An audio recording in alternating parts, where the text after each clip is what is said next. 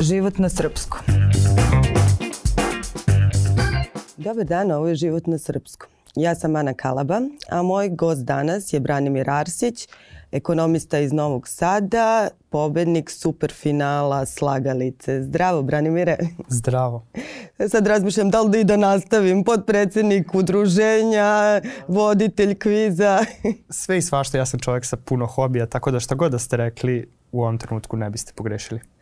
E, ajde da počnemo s tim kako je biti milioner u Srbiji, pošto je nagrada bila milion dinara. E, pa zanimljivo je prosto, eto, to je svakako jedna nagrada koja se e, ne dodeljuje tako često na srpskim kvizovima, novčana nagrada koja se ne dodeljuje tako često na srpskim kvizovima i eto, zanimljivo je svakako taj osjećaj i mislim svima uglavnom kada pričate s nekim ko baš i, i ne prati kvizove, svima je zanimljivo to kao wow, milion dinara. Zvuči. Da, neverovatno, eto kao da, da je tolika nagrada baš i, i ona je u stvari ono što najviše izaziva pažnju, čini mi se, ljudima. Mhm. Mm -hmm. I čuli smo da ćeš da je potrošiš na putovanje, jel si imao A, dalje neke planove? e, najavio sam da to, ovaj, stvarno volim da putujem i evo sad baš ovih dana gledam gde bi se moglo ići. E, sretanje se bliži kao što znamo, tako da tu će biti ovaj, mnogo slobodnih dana, to jest moći će nešto da se iskombinuje, pa eto ja se nadam nekom Kavkazu ovaj, da, da vidimo malo i taj deo sveta. Da, dosta si putovao. Kad, kad smo ono, se svi pitali ko je ovaj, ovaj mladi pametni čovek, ovaj, videla sam da baš dosta putuješ. Pa jeste, nisam ja imao neku strast ka putovanjima i onda mogu slobodno da kažem da se razvila tokom mojih studija. E, išao sam na ekonomski fakultet u Novom Sadu na smer za evropsku i međunarodnu ekonomiju i biznis koji je vodio profesor Kosta Josifidis i specifikum tih uh, putovanja bio je da uh, tih, tog studijskog programa je zapravo bio da se svake godine putuje u jedan kraj Evrope, da se obilaze institucije, firme, političke, ekonomske institucije uh, po Evropi, da se, i naravno bio je i taj turistički aspekt. I onda smo mi tako za četiri godine studija proputovali maltene celu Evropu za, moram da kažem, za veoma male pare i ovaj, tada mi se eto, na, ja mislim, javila i, i razvila neka strast ka, ka putovanjima i nakon što sam završio studije gledao sam da nastavim, da svake godine idem u neku zemlju u kojoj prethodno nisam bio i evo sad sam na nekoj cifri od 44-45 zemalja. Mm -hmm. Nije puno, nije ni malo, gledam, gledam, kažem da svake godine povećavam za neki broj tu, tu cifru. Ok, drugi hobi? Hobi, pa eto, kažem, kvizovi, broj jedan. Nije bilo tako nekad, ali eto, recimo poslednjih 7 godina pub kvizovi su hobi broj jedan. I eto, volim da gledam sport, volim da idem na, na sportske utakmice, na, na utakmice po Srbiji i regionu gde god mogu mogu da se pohvalim zapravo da sam evo u novembru prisustvovao čuvenoj utakmici u Lisabonu. Imao sam osjećaj da ćemo pobediti Portugal i da ćemo proći uh, na svetsko prvenstvo u Katar i eto imam zaista neverovatno iskustvo iz Lisabona i taj moment kada Aleksandar Mitrović zaje gol u 90. minutu za mene je nešto neverovatno i nikad to neću zaboraviti. Ali eto kažem, kvizovi, sport, muzika i to su neki Sad kad si rekao sport, jel da pitam kako ti otvaraš skočka? E, možeš da, e, mislim, jasno je ovaj, kako bi trebalo da, da, pošto navijam naravno za jedan klub iz Beograda, nećemo otkrivati koji, ali nisam, ovaj, nisam ni na jedan od dva čuvena načina otvarao uh, skočka, zato što nekako i kada sam još godinama naravno unazad igram onu slagalicu na, na fejsu i nekako sam tu počeo da otvaram sa tref, tref, herc, herc i u solidnom broju slučajeva se ispostavljalo da, da, mi, da mi donosi tačnu kombinaciju, da, da uspevam da pogodim. I prosto rekao sam, evo, ovo je neka moja srećna kombinacija, stalno ću otvarati sa tref, tref, herc, herc i neverovatno, ali prosto ni jednom nisam pogrešio sa njom, ni u regularnom ciklusu, ni u superfinalu i eto, to je, to je baš dobra stvar. Dobro je da se nisam ovaj, mm -hmm izjašnjavao ja skoro, navijački. Da, da, tek skoro sam čula za tu foru i vidim da ljudi prate ono. Da, kao, da, da, to je jako, pa sve, baš sam skoro bio svedok jedan momak koji se tako izjašnjavao poprilično jel, navijački je dobio onako, baš ne mogu reći i pretnje i uvrede na Twitteru baš mm -hmm. zbog mhm. toga što što se jasno izjašnjavao za koga navija na osnovu kombinacije u skočku, što je stvarno onako, mislim, previše, naravno, ne, ne, ne, treba to ljudi da rade. U smislu da napadaju nekoga zbog toga za koga navija, mm -hmm. ali eto, tako društvu živimo, šta da radimo. A to je zanimljivo, kakve poruke vi dobijete?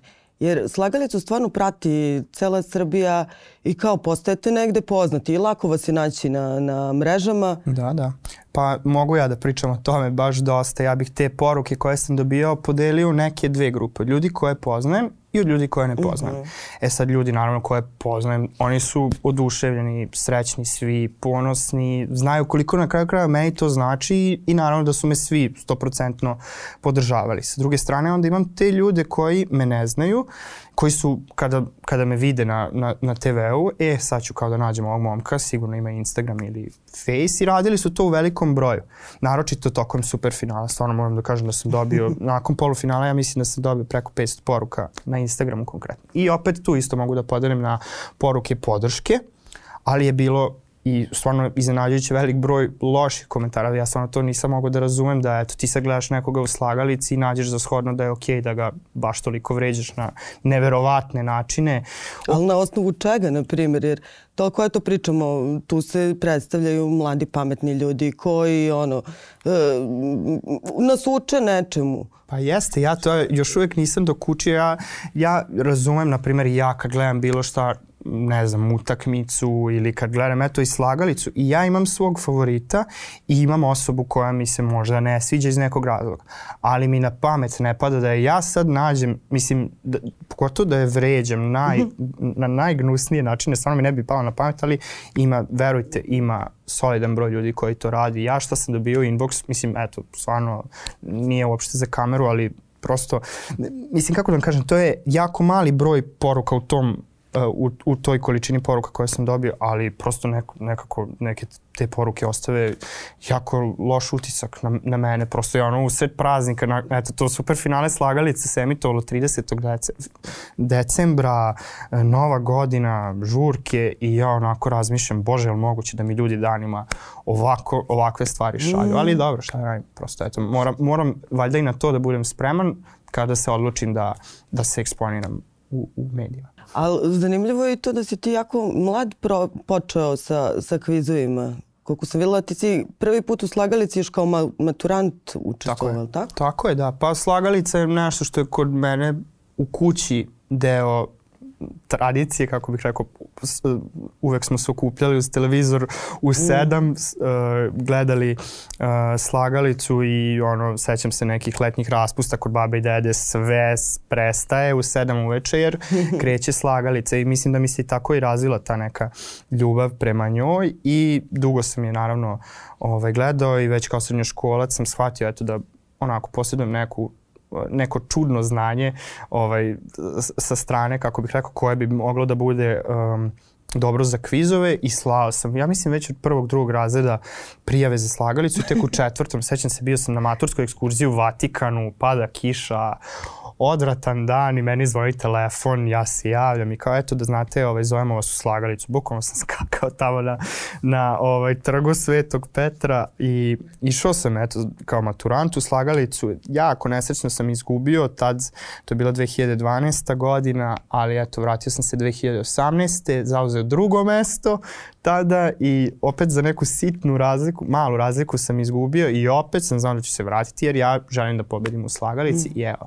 2021. je bila ta ključna godina, junski ciklus, osvajanje i um, mislim, kako da kažem, stvarno to je bilo ostvarenje nekih mojih eto, snova što se kviza tiče naravno i um, na, učešće u superfinalu je bila nagrada, bukvalno za, za, za pobedu u tom ciklusu. Nisam verovao da, da mogu. Nisam možda toliko ni želeo uh, da, da pobedim, ali kad sam već tu, ja prosto takav sam, ono, volim da se takmičim i naravno da ću dati uvek sve od sebe i nekako tako se namestilo i eto sad mogu da kažem da sam jedan od malog broja ljudi koji ima titulu pobednika superfinala slagalice i verujte i dalje mi to, evo, posle par meseci i dalje to zvuči mm. nevjerovatno. A Potera? Potera 2016. godina, prijavio sam se, uh, mislio sam da je to kviz koji mi onako mnogo više leži jer nema te kombinatorike kao u slagalici, nego samo pitanje odgovori znaš, ne znaš. Prijavio se, uh, učestvo, to je bila neka četvrta, peta sezona, uh, devet odgovora na brzim pitanjima, prošao sam tragača Milorada Milinkovića, u završnoj poteri bio sa još jednim čovekom i imali smo ukupno 18 koraka ispred tragača i na kraju nas je ipak stigao nekih desetak sekundi pred kraj, ali eto, to volim da kažem da ja sam zadovoljan kako je to prošlo, jer eto, to mi je bio prvi nastup na TV-u posle nekog vremena, e, stvarno, eto, bio sam, pokazao sam neko solidno znanje i čekam da se vratim jednog dana u tu potrebu. Ne verujem da ću ove sezone, čekam da, da se malo slegnu utisi. Dalje sam emotivno zasićen od, od ove slagalice, tako da eto, jednom ću se vratiti sigurno u tu da. potrebu. Ali to jesu trenutno dva naj, najgledanija kviza kod nas. I nedavno si imao susret sa rekorderom Potere. To smo mi ovde kao čekali dva genija, genijalca u, u okršaju. Pa da, pa da, ovaj, eto, baš mi je drago. Ovaj, upoznao sam na uh, Facebooku profesora Jovicu Plavšića iz 10. Beogradske gimnazije. To jest, nisam, ja sam slučajno tako gledao televiziju i video sam kako on priča, kako uh, drži časove i podučava decu uz pomoć kviza i onda iz toga se izrodilo da, da on e, tako par puta godišnje organizuje specijalna izdanja, potere ili tako neki drugih kvizova u svojoj e, gimnaziji gde su takmičari srednjoškolci, učenici, mm -hmm. učenici gimnazije. I ja sam se oduševio time, pošto sam potpredsednik Srpske kviz asocijacije u okviru koje imamo neka takmičenja za srednjoškolce. Ja sam rekao ovom čoveku stvarno želim da pomognem kako god znam i umem i rekao, napisao sam mu poruku, rekao svaka čast za sve što radite, šaljem vam evo sva svoja pitanja koja imam za srednjoškolce, ako vam bude trebalo inspiracije, zafali, ovaj, da znate možete računati na mene kako god. I on je onda, tako smo se sprijateljili na fejsu i onda je on posle gledao mene u slagalici i rekao je moram te zvati kada budemo organizovali to specijalno izdanje jednog kviza i evo nedavno je to baš bilo sad u 10. Beogradskoj gimnaziji. Upoznao sam se sa Sinišom Vulićem, velikim znalcem, legendom Twittera i ovaj, eto, takmičili smo se, to nije direktna konfrontacija između takmičara, nego svako odgovara za sebe, ali eto, i on i ja smo došli do tog krajnjeg do, odgovorili smo na tih 15 pitanja u pet krugova i osvojili maksimalnu nagradu od 176 bananica. A zanimljivo je da su tu učenici postavljali pitanja. Zaista, da, sjajan koncept, mislim taj kviz sam protiv svih koji se emitovao pre nekih sad već skoro 20 godina na, na RTS-u, ali ovaj, takav je bio koncept da su gledaoci iz svih krajeva slali pitanja u, u, u, u, u redakciju e, RTS-a, a sada je ovde profesor to e, primenio da zaposleni u školi, učenici, svi bukvalno mogu da stavlja pitanja u neku kutiju i kaže čovek da mu je stiglo 4000 pitanja, što je nevjerovatan broj jer uh, valjda imaju oko 1200 učenika u, ško u školi, 4000 pitanja mu je stiglo, on je sve to jedan prekucavao sa svojim timom, ali eto, bit će još, sad imaju naravno dosta pitanja u toj bazi, pa će verovatno biti još takvih prilika za, za okupljanje. A koje ti je bilo najteže? Je li bilo neko da te... E, imao sam... Sa, e, znate šta je tu?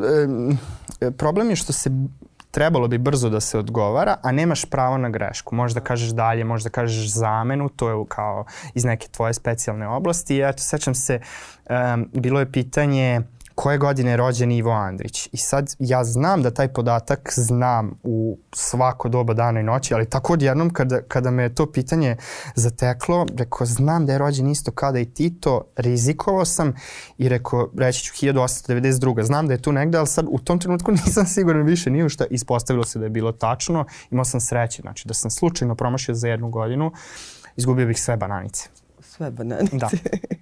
A, taj moment mi je zanimljiv gde vidim da se sve više mladih ljudi uključuje u to. I to je krenulo i sa onim pub kvizovima i sa... E, kako ti gledaš na to? Jer e, različite su stavovi.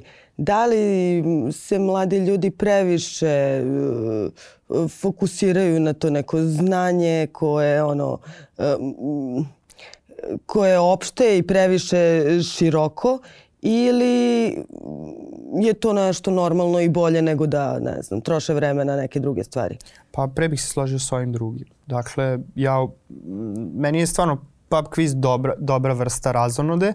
E, mislim da je okej okay da se oni, mislim tu svašta, sa svakakvim pitanjima možete da se susretnete e, na, na pub quizovima. Ne, ne znam, meni eto, ja organizujem pub quizove u Novom Sadu, vodim tačnije, dolaze mi svakakve grupe mladih ljudi i srednjoškolci i studenti i svršeni studenti i eto, ako nekome to pomogne u bilo čemu da se profiliše ili ne znam, voli da se samo sastane sa svojim društvom jedan dan u nedelji, da popiju piće, da se malo takmiče, slušaju muziku, meni je to samo po sebi sasvim okej. Okay. Baš sam sa jednim učesnikom slagalice svoje vremeno pričala o tome kako cela ta nova generacija mladih koji moraju sve da znaju, koji onako baš e, ko, e, pretvaraju se u robote, da ne kažem.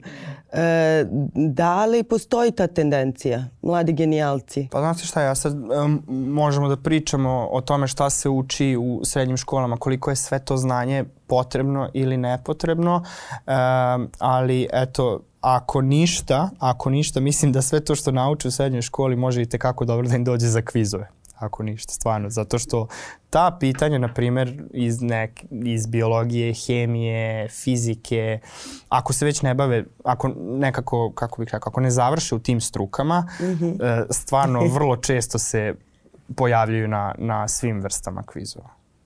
Da. A kako izgledaju ti pub kvizovi? Pa, ja kažem da su pub kvizovi stvarno onako... Um, Ti si tu i u jednoj i drugoj ulozi. Jeste, da. Ja sam, uh, prvo sam naravno krenuo kao takmičar pre davnih dana, pre, pre 7-8 godina i dobio sam priliku 2018. da krenemo sa Inkvizitorom u Novom Sadu i to je stvarno bio pun pogodak za mene. Ja sam kao mali sam se nadao da ću biti TV lice, da ću biti novinar, međutim, eto, završih u ekonomiji i onda, kažem, ovaj spoj sa mikrofonom i sa ipak kakvim takvim nekim uživo programom i, i voditeljstvom je stvarno za mene onako neki melem. stvarno uživam u tome, baš se radujem svakom, svakom pub kvizu. To je moj uh, ugao ovaj, uh, gledanja na sve to, plus naravno upoznajem poznajem stotine ljudi uh, na tim kvizovima i uživam u tome da prozborim sa njima, uvek tako šetam uh, kroz, kroz uh, ceo kafić, pričam sa ljudima, razmenjujem neka iskustva. A uh, šta, šta biše pitanje za... Kako izgleda? Kako izgleda pub quiz? Pa, Koliko ljudi dolazi? Da, da, da, to sam htio da kažem. I kakvi? Da, pub quiz generalno savršen spoj za sve zainteresovane strane. M takmičari koji dolaze, okupe se sa svojim društvom, popiju koje piće, slušaju dobru muziku i takmiče se, a to je generalno nešto što naš narod voli. Dobro je za kafić, jer bi možda taj dan bio onako, ne bi bilo toliko pose, ne bi bio toliko posećen, ne bi bilo toliko ljudi, pa i kafić nešto zaradi od tog pića koje se proda. I dobro je za nas koji organizujemo pub quiz iz istog razloga, naravno. Tako da, stvarno, pub quiz je izmišljen u Engleskoj davnih dana i mislim da je to stvarno njihov pun pogodak Ali ima devojaka? Ima dosta devojaka. Pa mm. da, mislim onako, cilj je možda u, u pub kvizovima da te pub e, ekipe budu što raznolikije, da budu i ljudi sa različitim interesovanjima, mm. da, da se pokriva i sport, i moda, i opšte znanje, i istorija, i geografija. I ja znam da kod nas u Novom Sadu bar, eto, pa mislim da većina ekipa ima bar, bar, bar jednu, dev, bar jednu, kažem, Aha. jer i devojke isto imaju, kako bih rekao, uh, gledaju neke možda druge filmove, drugu muziku slušaju u odnosu na momke, tako da ovaj, to je dobro što se mene tiče, stvarno ovaj, pokrivaju sve živo ljudi. A postoje neke predrasude u odnosu na kvizaše? Uf, uh, pa ne znam šta bih tu rekao. Ne znam, stvarno. Pa ne znam, ne znam. Onako, ljudi uglavnom, kažem, pozitivno reaguju na to kada čujete da ste, da, da, da, da ste bili u nekom TV kvizu, pitaju za iskustva. A sad ne znam, mislim da je to od osobe do osobe, kako ko gleda na, na kviz generalno. Ali mislim da ne, mislim da što bi bilo, ne znam. Da. E, kakvi kvizovi fale u Srbiji? Mislim da fali više TV kvizova. Mi smo, mi smo ono kroz istoriju, evo sad kad se setim, svaš, svačega je tu bilo. Sad smo nekako utanjili malo. Fali nam dosta, mislim fali nam TV kvizova, eto do, do pre par godina smo imali samo dva kviza, Slagalicu i Poteru, sad je eto malo, malo kao ima više i na RTS-u i na drugim, na vašoj televiziji na kraju krajeva imamo kviz koji nije bio tu do pre 3-4 godine, tako da ovaj, fali nam, eto ja na primjer uvek volim da, da gledam šta rade ljudi u okruženju, na primjer Hrvatska je stvarno jedna kad gledamo ta međunarodna kviz takmičenja, Hrvatska je jedna od najjačih zemalja i u Evropi i, i, i na svetu, a oni imaju stvarno jako mnogo i Oni dalje i milionera imaju. Milionera imaju, na primer, Potera ide četiri puta nedeljno u, mm. u Hrvatsku. Kod nas ide samo jednom. Tako da to je bukvalno tamo kao nacionalni sport, pub kvizu. Ja sam evo, leto sam išao u Zadar na neki njihov kviz. Oduševio sam se kako je bilo organizovano i koliko je ljudi iz svih krajeva Hrvatske došlo u Zadar da ceo vikend igra kviz. -hmm. Neverovatni su, stvarno svaka im čast na tome i kažem, oni su među, među um, najboljim nacijama u Evropi po, po pitanju kviza. Mm.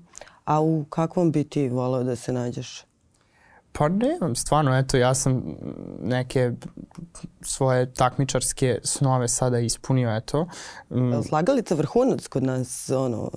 Pa Slagalica ima najveću tradiciju, ja bih rekao. Ipak, eto, Slagalica je moj vršnjak, 28 godina, sad ćeš malo 29 i mislim da je zbog toga ljudi najviše, najviše ovaj, poštuju. Ima dosta tekstova nam na internetu na tu temu koliko, šta je fenomen slagalice, isto ono što sam već spomenuo. Porodice se čitave okupljaju svako veče u sedam, zna se da je taj termin rezervisan za slagalicu. Može da se malo pomeri, eto zamislite RTS ne propušta priliku da pusti slagalicu. Znači slagalica mora da ide, sad da li će ići malo ranije zbog neke utakmice, nekog prenosa, neke konferencije da, za štampu. Da, bude drama. Da, ali ovaj slagalica ne može da se ne emituje. Ići će makar i na RTS-u dva. Tako da eto, to samo po sebi govori. Ja mislim da ni jedna druga e, emisija na RTS-u nema takav status kakav, kakav ima slagalica.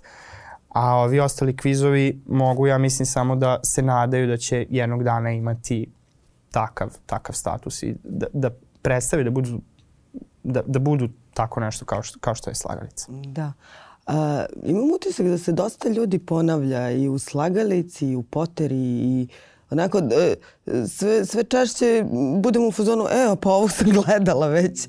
Pa da, to jeste ovaj, činjenica, prosto postoje ljudi koji, koji se bave kviz, koji vole kvizi, koji se pojavljuju dosta često na televiziji. Kako to izgleda iza scene, ti susreti? E, često se, koliko sam razumela, snima ono po ceo dan. E, Pa eto, ja sam Jedan mogu... prijatelj mi priča kako ono, na kraju ti padne i koncentracija i već više nisi siguran da li si, da li si u punoj formi da, da izađeš na scenu. Pa jeste, ovaj, ume to da bude jako nezgodno. Evo ja sad poslednje iskustvo koje imam je eto, žreb za superfinale Slagalice, gde je bilo nas svih 16 takmičara I ovaj, svi smo bili na jednom mestu i sad meni je to bilo zanimljivo, neki se znamo, mislim većina smo se tu znali, samo javljali, s nekima sam se upoznavao, ali kao to što ste rekli, prosto neki ljudi se vrlo često pojavljuju i prosto znam, znam im lik. A ove, što se tiče tog, da, snimanja, naročito eto, i slagalice i, i poter, ako se ne varam, sve se to snima u jednom danu i onda ume poprilično naporno da bude, evo ja sad sećam se, putujem krećem iz Novog Sada, recimo oko pola 8 ujutru, moram da budem u 9 uh, u RTS-u i ja znam da sam do 4-5 popodne, ako naravno pobeđujem, ja sam tamo ceo dan, malo te ne dođem kući, u, mislim, ono, u, jako umoran naravno, ali to se sve ne vidi na televiziji, ne zna se ovaj, da, da, da je to sve snimano, da je ne znam koliko emisija snimano, snimano u jednom danu. A šta je sa ljudima, kažem, koji žive malo dalje od Beograda, mislim, to je kada oni kreću da bi bili ujutru na, na snimanju u studiju, to je stvarno svaka čast, naravno naravno svima da, koji to izdrže.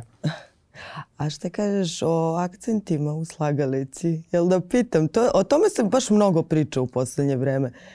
Pa priča se, ali ja ne znam, e, mislim, eto, to, to ljudi tako zameraju voditeljkama, ali prosto voditeljke rade svoj posao. Ja, ja njih nikako tu ne bih krivio.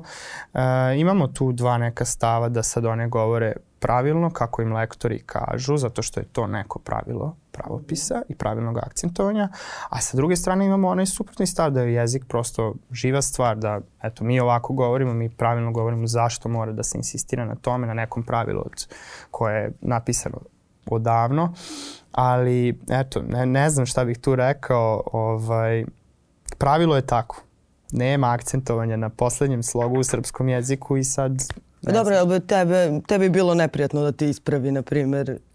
Pa ne bi mi bilo neprijatno. Ja čak, eto, ponekad kad, kad vodim pub quiz u Novom Sadu, uhvatim sebe kako akcentujem tako. Pravi, mislim, pravilno, jel? Poluvremena kontinentu. A sad, znate, dok se ne usvoji nešto drugo, dok se, dok se, ta, dok se ta priča, mislim, realno trebalo bi raditi na tome da, da se to malo promeni ili da svi počnemo da govorimo na, na onako kako nismo naučeni i kako... To će biti malo to će teže. Biti teže, da. Ali bilo bi lepo da, da, se, da bar poznajemo te standarde i da, i da znamo šta je, šta je pravilno i da se ne bunimo svaki put kad nam pa da. zapara uši. Vidim da ono na društvenim mrežama bude mini revolucija svaki put. Jeste, jeste. Pa da, pričao sam sa, pričao sam sa Kristinom baš o tome i ona je isto rekla, eto, nakon toga ona je isto dobijala svakakve poruke i prosto to, mislim, ja ne znam šta bih rekao tim ljudima. Pustite, pustite ženu da radi svoj posao. Nije, nije to ona tako izmislila, nego tako joj je rečeno. Prosto mora. Ali to je, baš sam i sa Andonovim pričala, nekako je otišlo predaleko to, ne, nešto što je igra, za, mislim, zabavno, obrazovna emisija. Da, da, da. Da, da, mnogo, to ide, mnogo da. dotiče da. ljude. A dobro. I uh, ajde na kraju, volila bi da, da pročaskamo malo o, o tvom prezimenjaku koji nas je ovaj, sve iznenadio i onako baš smo bili zatečeni šta, šta radi, kako kida. Vidim da, da ga i ljudi podržavaju. Znaš li njega? I on je nešto dete slagalice, koliko jeste, sam razumela. Jeste, pa Arsen je, eto, pojavio se govorimo o Arseniju Arsiću, eto, prethodnom pobedniku slagalice. Prva stvar koju su me ljudi pitali, to je generalno su pitali na internetu da li smo mi rolj, nismo, ni u kakvom srodstvu, eto, tako se potrefilo da dva Arsića, jedan za drugim budu pobednici ciklusa u slagalici. E, da, de, dečak, mislim nije dečak, on je sad, eto, student uveliko, ali on se odavno pojavio na kvizačkim takmičima sa neki 15-16 godina, što je neverovatno i zaista je već pokazivao kakav, o kakvom se talentu radi. Izvini što te prekidam i obojica ste ekonomiju izabrali. I obojica, da, tako se, tako se potrefilo, da. Svaka mu čast, naravno, ovaj, sjajno je bilo, eto, i momak protiv kojeg je igrao, Lazar Živkov je moj drug poznanik iz Novog Sada i nadam se da ćemo ih obojicu, mislim Arsenija sigurno, nadam se da ćemo i Lazara gledati narednog decembra u novom superfinalu slagalice i nadam se da će obojice postići vrhunske rezultate. Mm -hmm. Ti redovno pratiš slagalicu? Pa ja, eto, da, sad kažem, ja sam veliki fan, strastveni fan slagalice i sad trenutno malo odmaram, ne gledam toliko, ne gledam baš svaku epizodu, ali vrlo brzo ću se ja zaželeti i, i svakog dana od 7 uveče ću biti uz TV. Ako slučajno nešto propustim, ima i taj YouTube kanal. A pomenuo si da ti je muzika jedna od specijalnosti. Pa ja bih hvala da nam ti za kraj preporučiš neku muziku, neki film, neku knjigu. Muzika, pa moj omiljeni band, mislim šta mi prvo pada na pamet, naravno Depeche Mode, obožavam Depeche Mode, tako da imam veliki poster, ne poster, uramljenu sliku u, u sobi, tako da sve od Depeche Mode od 80. godine pa, pa nadalje, možda ovi novi albumi su malo onako čudniji, ali 80. 90. i početak 2000-ih svakako zlatno doba muzike generalno šta god da se odlučite da slušate iz tog perioda, mislim da nećete pogrešiti. A od domaćih? A od domaćih, pa ja sam poprilično iznenađen, na primer, nekom novom scenom koja se razvija u Srbiji i počeo sam i to svašta da slušam i da skidam i da puštam na svojim, na, na pub kvizovima onako u pozadini šta mi prvo pada na pamet uh, Artan Lili, Butch Cassidy, onaj album je Euphoria, tako sjajan. Meni je prosto neverovatno mi je to leglo. E, eto sad ovaj, stvarno mi se sviđa nova pesma ova uh, Artan Lilija i, i, i Cane, mm -hmm. stvarno je super mi, spot mi onako neverovatan za, za, za naše uslove, tako da eto, to je neka preporuka, novija scena što se, što se srpske domaće scene tiče. Film, serija? Ajde Film? kao leksikon. Uh, uh, uh. Serija, ne da gledam toliko serije, evo trenutno sam baš uzeo da gledam seriju Westworld, onako, ide, ali nije da me sad oborila sa nogu, kao što me, na primjer, Killing Eve mi je bila jako zanimljiva mm -hmm. serija. A što se filmova tiče, ja preporučujem, ja ne volim te neke hollywoodske blockbustere, gledam evropski film dosta i, i latinoamerički, tako da eto od skorih filmova sam pogledao film o kojem će se verovatno dosta pričati sad, naročito kad krenu Oscari. Znači, norveški film, najgora osoba na svetu, eto, on mi je ostavio onako dobar utisak i to je to. Eto, evropski film generalno šta god da čujete da se priča o tome, da, da se spominje, pogledajte ga i mislim da ne možete pogrešiti.